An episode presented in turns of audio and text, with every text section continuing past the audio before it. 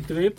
Eh, faktiskt så sitter vi på omvända platser mot hur vi brukar spela in det när vi är just där vi är. Så här avsnittet kan bli helt eh, upp och nervänt. Ja, det känns faktiskt lite avigt från Det är början. bara för att det var jag som var först på plats den här gången. Det brukar nästan alltid vara du. Ja, det stämmer. stämmer. Eh, vi är ju lite sent på det, men Mm. någonstans måste vi sammanfatta det här. Har ändå fått sjunka in lite. Ja, men det har ju det. Vi var framme i, i vi hade Djokovic och Federer som var klara för eh, semifinal. Kvartsfinalen på den övre halvan hade inte spelats. Ehm, vi hade väl båda Nadal framme i en final.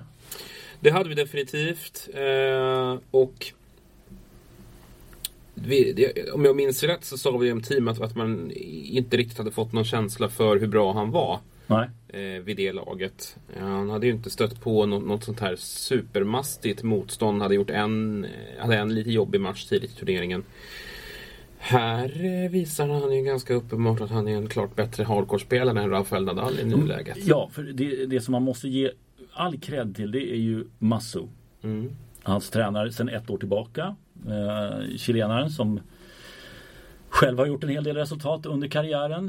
Eh, och det, det kändes, för jag, jag satt och tittade på den där och eh, det var otroligt imponerande hur han höll emot och Nadal liksom aldrig fick det här malandet när han mal ner motståndet när de inte orkar längre. Team stod upp hela tiden, låg väldigt nära baslinjen. Det Vi har tjatat om väldigt mycket, inte för att han lyssnar på just på vår podd, men just det här med positionen i banan. Där tror jag Mats har gjort väldigt mycket för hans spel på hardcourt bland annat. Ja, och, och, och framförallt att aldrig tumma på aggressiviteten oavsett var i, i banan han befinner sig. Eh, han, är, han har ju blivit helt otrolig på att försvara långt bak i banan och på ett tillslag vända defensivt spel till offensivt. Eh, och, det fick, och det har ju varit ett adelsmärke för Nadal tidigare. Nu möter han en som faktiskt gör det här bättre. Och sen aldrig darrar egentligen. Eh, alltså, Han, han darrar, Ja, det, vi, han, han har några små darr. ja, vid ett, i ett skede gör han det. Men, men sammantaget så håller, han ihop det i, i kritiska lägen. Han sopar ju hem två stycken tiebreak, eller tre stycken tiebreak blir det ju till och med. Ja, och det sista är ju väldigt... Ja. Nadal räddar matchbollar. Och då kan man ju tänka sig att det börjar skaka lite mer. Det är väl något dubbelfel där som dyker upp också. Men, men eh, där var det som jag gillar också med team som man såg nu när han fick flytta fram positionen. Det var att man fick lite Wawrinka-känsla. Det här när han kan sätta fart på bollen så inåt helvete så inte ens Nadal hänger med. Nej, och just Wawrinka-jämförelserna var ju, de var ju framme, eh, de var ju på tapeten tidigt i hans Mm. karriär. Då kändes han kanske lite mer offensiv också, kom fram en del på hardcourt. Han hade, fick ju sitt seniorgenombrott egentligen i hemmaturneringen i Wien där, när han, gick, när han slog Songa och gick till kvart eller semi. Mm. Ja, det kommer jag inte ihåg. Ja, men det, var, det var ju det är många år sedan Mm. nu. Men, eh, och då tycker jag det var liksom, i mina ögon så var han ju en offensiv kraft. Sen så blev han ju mer av en grusmaskin. Mm. Eh, och, och tog några steg tillbaka, hittade en, hittade en bekvämlighet i sitt spel på det underlaget. Men ehm, på, på något sätt så, eh, som du säger, Masou måste vara en, vara en nyckel där i, i hur han använder aggressiviteten. Och också hur mångsidig han har blivit på sin backhand-sida. Verkligen. Framförallt om man tänker på hur han, hur han slår den. Timing är inte särskilt viktigt för honom.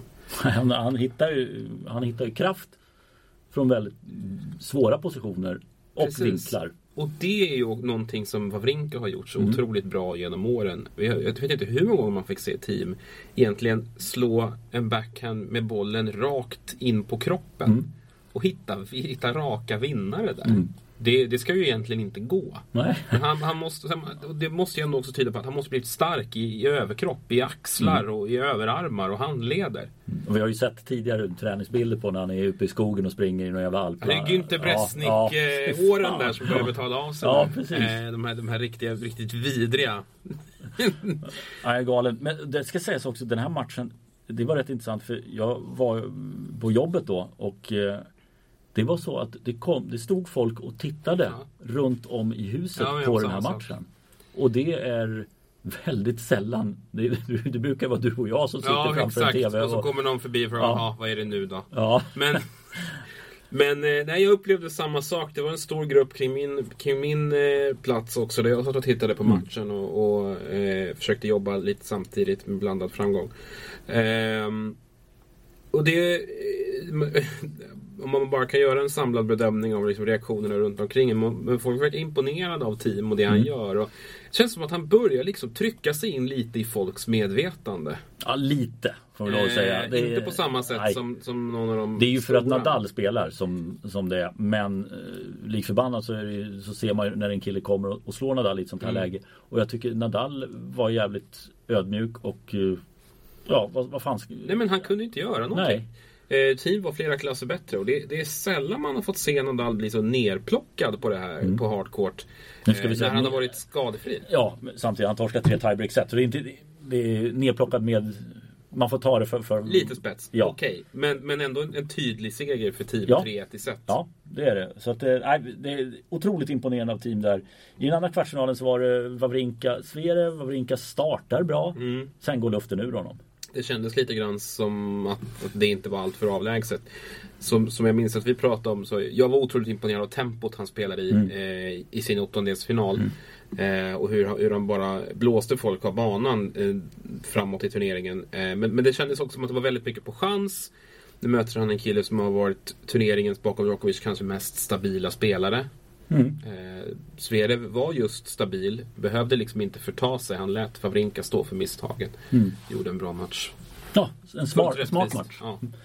Eh, och då går vi till semifinalen då. Då är det ju Ungtupparna är fan fel att säga för team är ju inte purung längre. Eh, men eh, Zverev är fortfarande ung. Ja. Och här blir det också tiebreak-set. Två tiebreak-set. Och återigen är det team som går segrande ur dem. Eh, vad, vad ska man säga? Te- team bättre. Eh, offensivt bättre. Zverev eh, stabil. Mm. Igen. Ehm, ty, tycks ha hittat eh, en nyfunnen trygghet i sitt spel. Mm. Så här bra är han när han nästintill är som bäst. Det ska väl till en... Hade, det ska vara kul att se de där två mötas på grus nu. Eh, det kommer Det väl inte vara helt omöjligt, Det alltså. kommer säkert. Ehm, men, men team har en annan edge i sitt spel på det här underlaget. Och en rutin. Mm. För det här är första semifinalen för Zverev. Mm. Men eh, jag vet inte hur många semifinaler team har vid det här laget. Men det måste ju röra sig om ett halvdussin i det här laget. Ja, det är två finaler i alla fall. Ja, och sen är det väl minst... Vi kan ju, vi kan ju kolla det lite snabbt. Det kan vi göra. Sånt här, sånt här ska vi ju ha i huvudet. Men eh, Det är minst en till ja. Då är vi på ett halvdussin.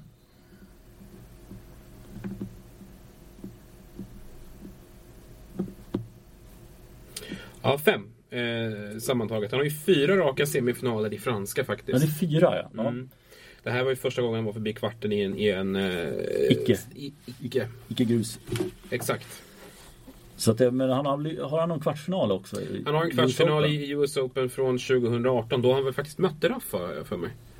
Eh, och var ganska nära att vinna. Mm. Men inte klarade den gången. Nej men, men te- team där, jag tycker att det, det, det är återigen, och och Zverev tycker jag också i det läget efter match säger. Alltså, men team var, hans spel har flyttat upp en nivå och idag var han för bra. Mm.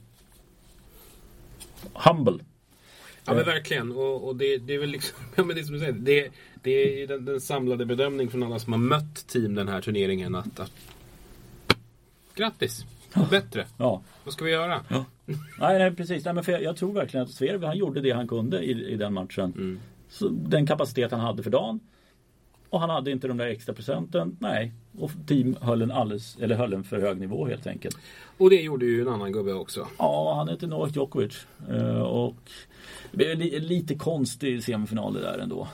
Jag blev förvånad över inledningen för jag hade ju egentligen eh, Man, man hade ju förväntat sig att Djokovic skulle vinna i typ tre raka, högst 3-1. Eh, Men Federer börjar så himla bra och Djokovic ser lite smådarrig ut. Men det är, det, är nästan så här att det var Djokovic, eller vad säger jag, det var Federers chans att göra det. Att liksom gå på knock från början, chocka Djokovic på något sätt. För att få honom lite ur balans och på det sättet kanske kunna få med sig ett set, ett och ett halvt set och sen få eh, att Djokovic då surar ur.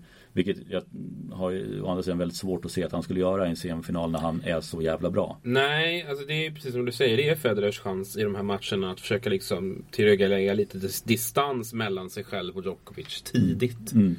Ehm, Men han vänder ju inte ett 0-2 i Nej, läge. han, han kommer inte ikapp mot honom. Ehm, och Djokovic så som han såg ut fram till dess kändes ju inte som att han skulle vara lätt att rubba. Ehm, det blir ett tajt första set. Sen faller ju Federer ur matchen allt mer. Mm. Uh, visst, han, han tar väl en medical där också. Ja, hur trasig var han? Det fanns ju, fanns ju små spekulationer om att han inte skulle komma till spel. Djokovic pratade ju om att, han var, att Federer var uppenbart ja. skadad. Uh, så, och det, det, vet man inte heller vilket spel det är som, som var där. Men, men visst fasiken, han hade ju haft problem tidigare under turneringen. Så mm. var det ju. Det, det, det, såg vi ju prov på tidigare i turneringen. Men uh, att han inte var hundra, men nej. Det är ju också en del av spelet. Ja, det är ju fler än han som har vunnit titlar. Trots att de inte har varit hundra. Mm. Så ja, men fullt rättvist, Djokovic ska vara i final där. Det, det, hade varit en jätteskräll om eh, Federer hade vunnit. Jag har faktiskt inte koll på vad, vad eh, pre-match oddsen stod i. Men eh, det kan inte ha varit alltför bra på Federer. Eh, finalen. Ja. Eh, där hade jag redan intecknat ja, 3-0, kanske 3-1 i set. Djokovic, eh, ja det behöver man väl inte fundera så mycket på. Men! Vad hände? Dominic Thiem hände och klöste sig ytterligare en bit närmare den där första Grand Slam-titeln som han kommer att vinna. Det kommer han göra. Tveklöst. Mm. Eh, jag tror att Nadal blev kanske lite svettig av att se hur han spelar med tanke på eh, att det är bara några månader kvar till Franska öppna. Mm. Eh, han, team har kommit successivt närmare där varje gång. Mm. Eh, nu kom han ytterligare närmare. Eh, och Djokovic eh, grepp om Australian Open är ju nästan i klass med Nadals i Paris nu. Ja. Med tanke på hur mycket han har. Det är helt sanslöst. Ja. Eh, han, han, har ägt den här turneringen fullständigt. Men andra och tredje set eh, ser vi någonting som Novak, en frisk Novak Djokovic i spelform knappt har blivit utsatt för efter genombrottssäsongen 2011. Vad var det som hände där då? Jag tycker Mats Wilander illustrerar det ganska bra. Alltså just, just, den, just den taktiska sidan av spelet har ju varit eh, Novaks liksom det han har stöttat upp sig mot hela tiden. Alltid. Och det som han undantagslöst också har varit bäst på. Eh, men här kommer en spelare som, som helt enkelt bara inte går med på att det är Djokovic som ska stå för de taktiska direktiven. Alla som har utmanat Djokovic har gjort det på grund av liksom speltekniska orsaker. De har haft en tung serve att, att luta sig mot, en, en bra forehand som har funkat bättre än vanligt. De har varit tvungna att försöka slå bort honom. Men nu, nu har ju visserligen team eh, alltså, eh, styrkor i spelet som, som, som kan ge honom de fördelarna också. Men han utmanade Novak Djokovic taktiskt. Mm. Det såg man lite prov på i servandet tyckte jag. Ja. Eh, och Novak Djokovic det, här, det här såg vi exempel på tidigare under turneringen. Eurosport måste jag säga eh, under ledning av Jonas Berg numera eh, mm. på tennissidan har tagit hand om de, de statistiska bitarna. De, de speltekniska momenten. Ja. Riten som vi säger. Ja. På ett oerhört fint sätt. Jag tycker det är väldigt bra framlagt. Det är pedagogiskt. Det är begripligt mm. för en bredare publik än 11 stycken hardcore statsnördar som sitter i USA. Mm. Eh, så, och och liksom paketerat det i, i, ett format som är tilltalande. De har plockat fram ett, ett, antal grejer under turneringen som jag tycker varit väldigt, väldigt bra och som på ett brett och tydligt sätt lyckats tydliggöra vad det är som har gjort Novak Djokovic så bra.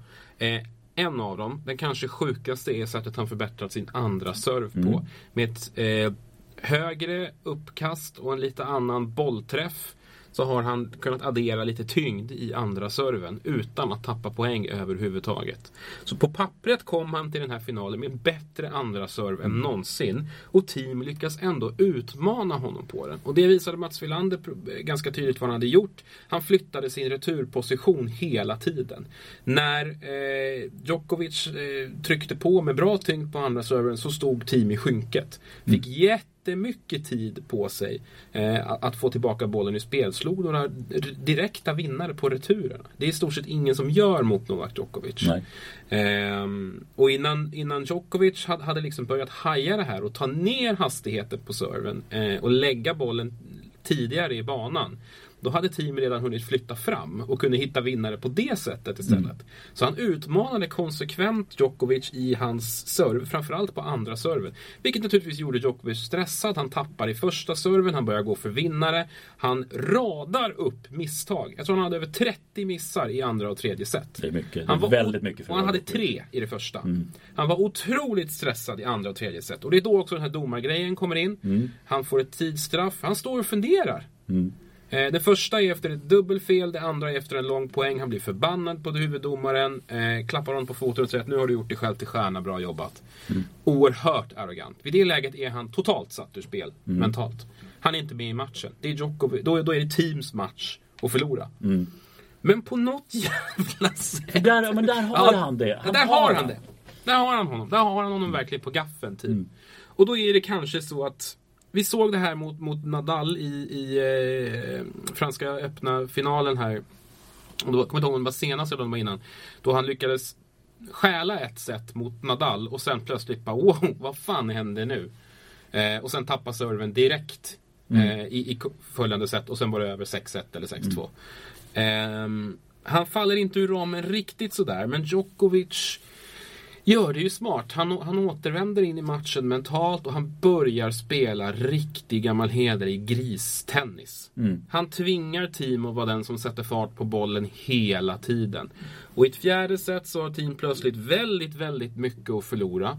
Eh, vill inte gå för slagen i, i, eh, på, det, på det sätt som, som han tvingas göra. Som att Novak bara slicear, håller bollen oerhört lågt, spelar med väldig säkerhet. Tar ner farten jättemycket, vilket han kan göra och ändå söka linjer. På ett sätt som ingen annan kan. Eh, och på det sättet så vänder han matchen. Team blir lite stressad, börjar sprida lite bollar till höger och vänster. Det är några viktiga poäng. Han räddar en del breakbollar men, men eh, på det hela taget så eh, är, är, vänder Novak på det här och är faktiskt den som vinner den taktiska matchen till slut i alla fall. Ja, det är jävligt imponerande. Det är skithäftigt. Ja. Det var... Jag har inte sett Novak bli utmanad på det sättet av någon annan än Nadal. Exakt, jag tänkte säga det. För det är det som måste vara jäkligt både inspirerande och lite skrämmande för, för Djokovic. Att, ja, men de, de vanliga killarna, de har han ju liksom, vet han ju Mm. taktiskt ungefär hur de lägger upp och de vet vad de... Men här kommer en kille som utmanar på den största scenen ska sägas också. Mm. Det är en sak att utmana i en 250 turnering i Montpellier nu som håller på att spelas i en final där. Ja Mm. men han överlever att han torskar en sån match. Men inte i hans borg liksom. Där, där ska det- ingen taktiskt kunna Nej, Det är oerhört vågat och det är så jäkla häftigt att han är så nära att lyckas med det också. För jag tycker Djokovic är inte dålig. Eh, han, han, är, han, är, han är inte så bra i andra och tredje set. I övrigt så är han skitbra. Mm.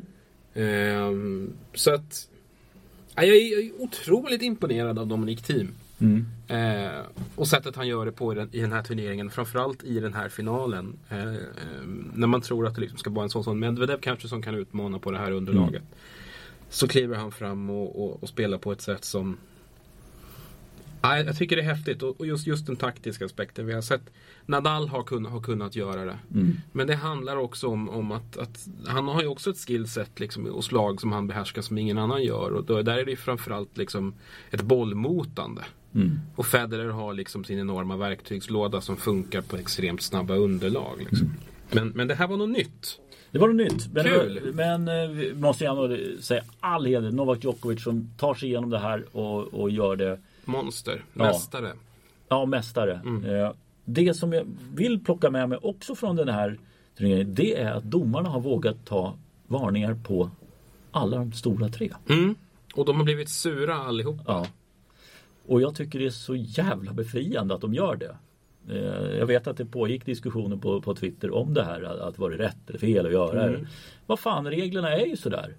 I grund och botten så är det så. Eh, visst, jag, jag kan förstå argumentet någonstans. Att eh, det var en lång poäng, ha lite känsla nu. Ja, men regler är regler också. Vi har ett regelverk för att kunna speeda upp den här, de, de här matcherna. Eh, och, för att göra den här sporten lite mer attraktiv för de som tittar. Eh, det gäller liksom även för de bästa att bjuda till. Men Det- de verkar inte vilja vara med på det riktigt. Nej, inte riktigt. Inte på deras, det är inte på deras villkor riktigt. Och då ska jag nog säga så att de får ju oftast de här extra par sekunderna i, efter de stora applådåskorna har liksom ebbat ut. Det är först Mm. då som klockan sätter igång i vissa fall. Så att jag, jag är jävligt tveksam. Jag tycker att det är bra. Jag saknar det fortfarande lite grann i tv-produktionen att man inte, som i basket, där du har, där har du skottklockan, Ja. ligger i bild. Eh, och här har man inte det. Nej. Den får man leta efter. Den är väldigt gömd. Den, alltså i tv-mässigt. På arenan ser du den. Men tv-mässigt så är det jättesvårt att se. Ja, jag håller med. Jag skulle också vilja ha den i något hörn någonstans. Mm. Eh, framförallt om, om det börjar bli nära överträdelser Mm. eller om en spelare har fått en varning tidigare. Då vill man ju ha den konstant. Ja, och det, jag tycker, men det, det är som sagt, det, det kommer säkert. För, förmodligen när de här tre har slutat. Då kommer det stå en klocka mitt Ja, men- på banan. Ja, precis. Då är det här inget problem längre. För då kommer det inte finnas så många som opponerar sig mot det. Nej. Federer fick ju, var ju inte förbannad på grund av tidsstraff. Han var ju förbannad för att han svor och någon hörde det. Ja, Schweiz, just, just det, en linjedomare där som uppfattade eh, en svår, var väl riktad mot. Det kanske det var ja. Ja, eh, lite osäker på den Ja, jag, saken. jag men- kommer inte exakt ihåg momentet där. Men eh, arg var han. Mm. Fick böter också. Ja, var på, var på tiden tänkte jag säga. Kan Det vara, det kan inte vara mycket i den kassan. I den. Nej, det var någon franska öppnare för några år sedan då, då, då eh, han fick lite böter. Och sen så vet jag att han tog sne och så krossade racketar mot Djokovic i Miami för ett tiotal år sedan. Mm. Så det kan- men annars så... Nej, jag vet fan annars. Nej. Eh, bra. Vi måste ju nämna damsidan där eh, Sofia Kenin Häftigt! så inåt helskotta. Jag gjorde henne mot Coco Gauff. Eh, och hon var Vad har hon? Berätta. Ja, vad fan har de för någonting? En, en otrolig spelintelligens. Eh, och liksom verkligen lyfte i rätt ögonblick och, och tveka inte, darra inte. Vilket man ofta tycker jag mycket tydligare på här sidan gör de det också. Men på damsidan kan det bli mer tydligt. Men här var det inte det. det, det hon darrar ju inte. Aldrig varit förbi eh, åttondel i en slam innan. Nej. Nej, det, det är lite, men det är väl lite damtennisens problem också att det, det svänger lite hit och dit. Eller problem, vad fan, det är möjligheter för andra. Men det är svårt att bygga någonting när det mm, kommer upp så här. Nu var det Garbin Muguruza som knappt vunnit en match de- det senaste året. Som går till final. Och är skitbra under den här turneringen. Ja, liksom, verkligen på nytt födelse för hennes del. Ja, men nu får man väl se om, om hon försvinner ut i kulisserna. osidad inför. Ja, ja, men hon kan ju försvinna i kulisserna nu ett halvår till och sen så blir hon bra i Wimbledon igen. Däremot, den, däremot så är det ju två stycken spelare som håller sig framme och når till semifinal eh, i Ashley Barty som vi torsk, torskar väldigt tight mot Mm. Kenin. Eh, och Simona Halep som också förlorar med Mm. väldigt liten marginal mot Muguruza. Eh, det känns ju som att det kanske är de två som kommer att ändå vara Ja, men i slutet på året styrande på respektive underlag. Borde, borde vara. Men då är det just det här att de ska ha... Det, ja, det, det är inte lika, inte så dominanta tror jag. Nej. Tror inte det. Och, och Williams tror jag, hon måste hitta någonting mer för att ta de här sista slamsen för att gå förbi, Mar, för gå förbi det Väl. Eh, och det vet jag inte riktigt hur de ska göra. Eh, Wimbledon möjligtvis. Eh, men eh, ja, vi, får, vi får se där. Eh, vi, tar väl en snabb eh, flik eh, och kollar in hur det går, eller hur det gick för Micke Ymer i eh, Montpellier. Det började ju väldigt bra. Vi var väl många som trodde att det skulle bli ganska tufft mot Jannik Sinner i öpp- öppningsmatchen. Men Sinner verkar ha kommit lite fel in i den här säsongen. Inte riktigt sett så bra ut som man hade hoppats. Kanske pressen som spelar in. Eh, vi är många som har pratat om honom inför 2020 efter avslutningen där i Next Gen. Då han tryckte till Micke riktigt, riktigt ordentligt. Mm. Eh, nu däremot var det omvända roller. Micke Ymer vinner med 6-3, 6-4. Servar förhållandevis bra. Är sedvanligt duktig på att hålla bollen i spel. Mm. Eh, stark seger, men sen tog det tvärstopp i andra rundan. Ja, ehm, den matchen gick ju inte att se. Nej, Så, så jag vet inte riktigt vad man kan säga om det. Eh, Nej. Filip Krajinovic vinner med 6-1, 6-1. Siffror i överkant. Ehm, tittar man bara på statistiken så verkar Mikael ha fått eh, extremt dålig utdelning på sin andra serv. mm. 24 procent. Mm. Så att det kan vara lite gamla synder där som, som eh, gör sig påminda. Eh, hade 15 breakbollar emot sig där också. Ja, det är tio för många kanske. Ja, Eh, men men, det är i alla fall en seger. Det är lite poäng som trillar in. Bra, helt enkelt. Ja men att vinna en match i den här typen av turneringar när man är rankad mellan 70 och 80 i världen. Det, det är vad man kan Ja, men förvänta sig. Exakt, för sen ska du gå på en sidad spelare i andra rundan. Mm. Så att eh, det är inga konstigheter. Han fortsätter att liksom hålla sin... Han har mycket poäng att försvara här tidigt på säsongen. Han har mycket poäng att försvara hela säsongen. Men, men framförallt nu här i början eh, hade han ganska mycket. Han håller sin ranking. Eh, han, han plockar de poäng han behöver plocka. Mm. Det är nog så viktigt för, att- för att få en stabil. Vi ska faktiskt inte glömma bort, vi hade ytterligare två svenskar på ATP-touren den här veckan. I dubbel. Robban Lindstedt spelar ju med Robin Hase. De åkte på däng i Pune. Men det är en svensk kvar i Pune. Det är du. André Göransson. Mhm. Eh, spelar i par med Kristoffer Runkat. Det är väl Indonesien nu? Ja, precis. Eh, De slog ju ett eh, fjärdesidat par i första rundan och sen när vi spelar in där så har de inte spelat sin kvartsfinal. Eh, Kul där! Ska vi säga någonting mer? Är vi klara där? Vi har inte så särskilt mycket roliga turneringar att prata om den här veckan Nej. annars. Montpellier är ju halvfin. Eh, finns en handfull hyfsat intressanta spelare där. Eh, Pune och Cordoba är lite av eh, två haverier. Ja, det är ju Marrakesh-varning på det här. Ja, alltså. katt som dras typ runt 130. Mycket svaga startfält i år igen. Nästa vecka så är det Rotterdam. Eh, klassisk fin gammal turnering som Robin Söderling har vunnit och säkert en hel del andra svenskar. Eh, tungt startfält i form av Daniel Medvedev, Stefano Tsitsipas, Roberto Batista Gut, Monfils, Goffin, Fognini, Chapovalov och Katjanov. Eh, Micke Ymer är, eh, ser ut att gå in i kvalet. Ja, ser man på. Ja, han håller sig i Europa och, och gör det.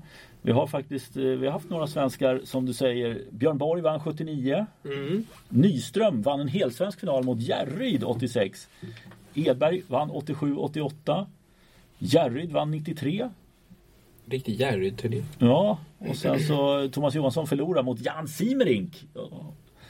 Nederländerna. Och sen har Södring förlorat en final mot Lodra. Sen vann han två gånger själv också. Jusjny och Songa han han slå. Så att vi har lite svensk där i den fina klassiska turneringen som har spelats sedan 1972. En av de mest anrika icke-slamsen på, på touren faktiskt. Ehm, vi har även eh, New York Open.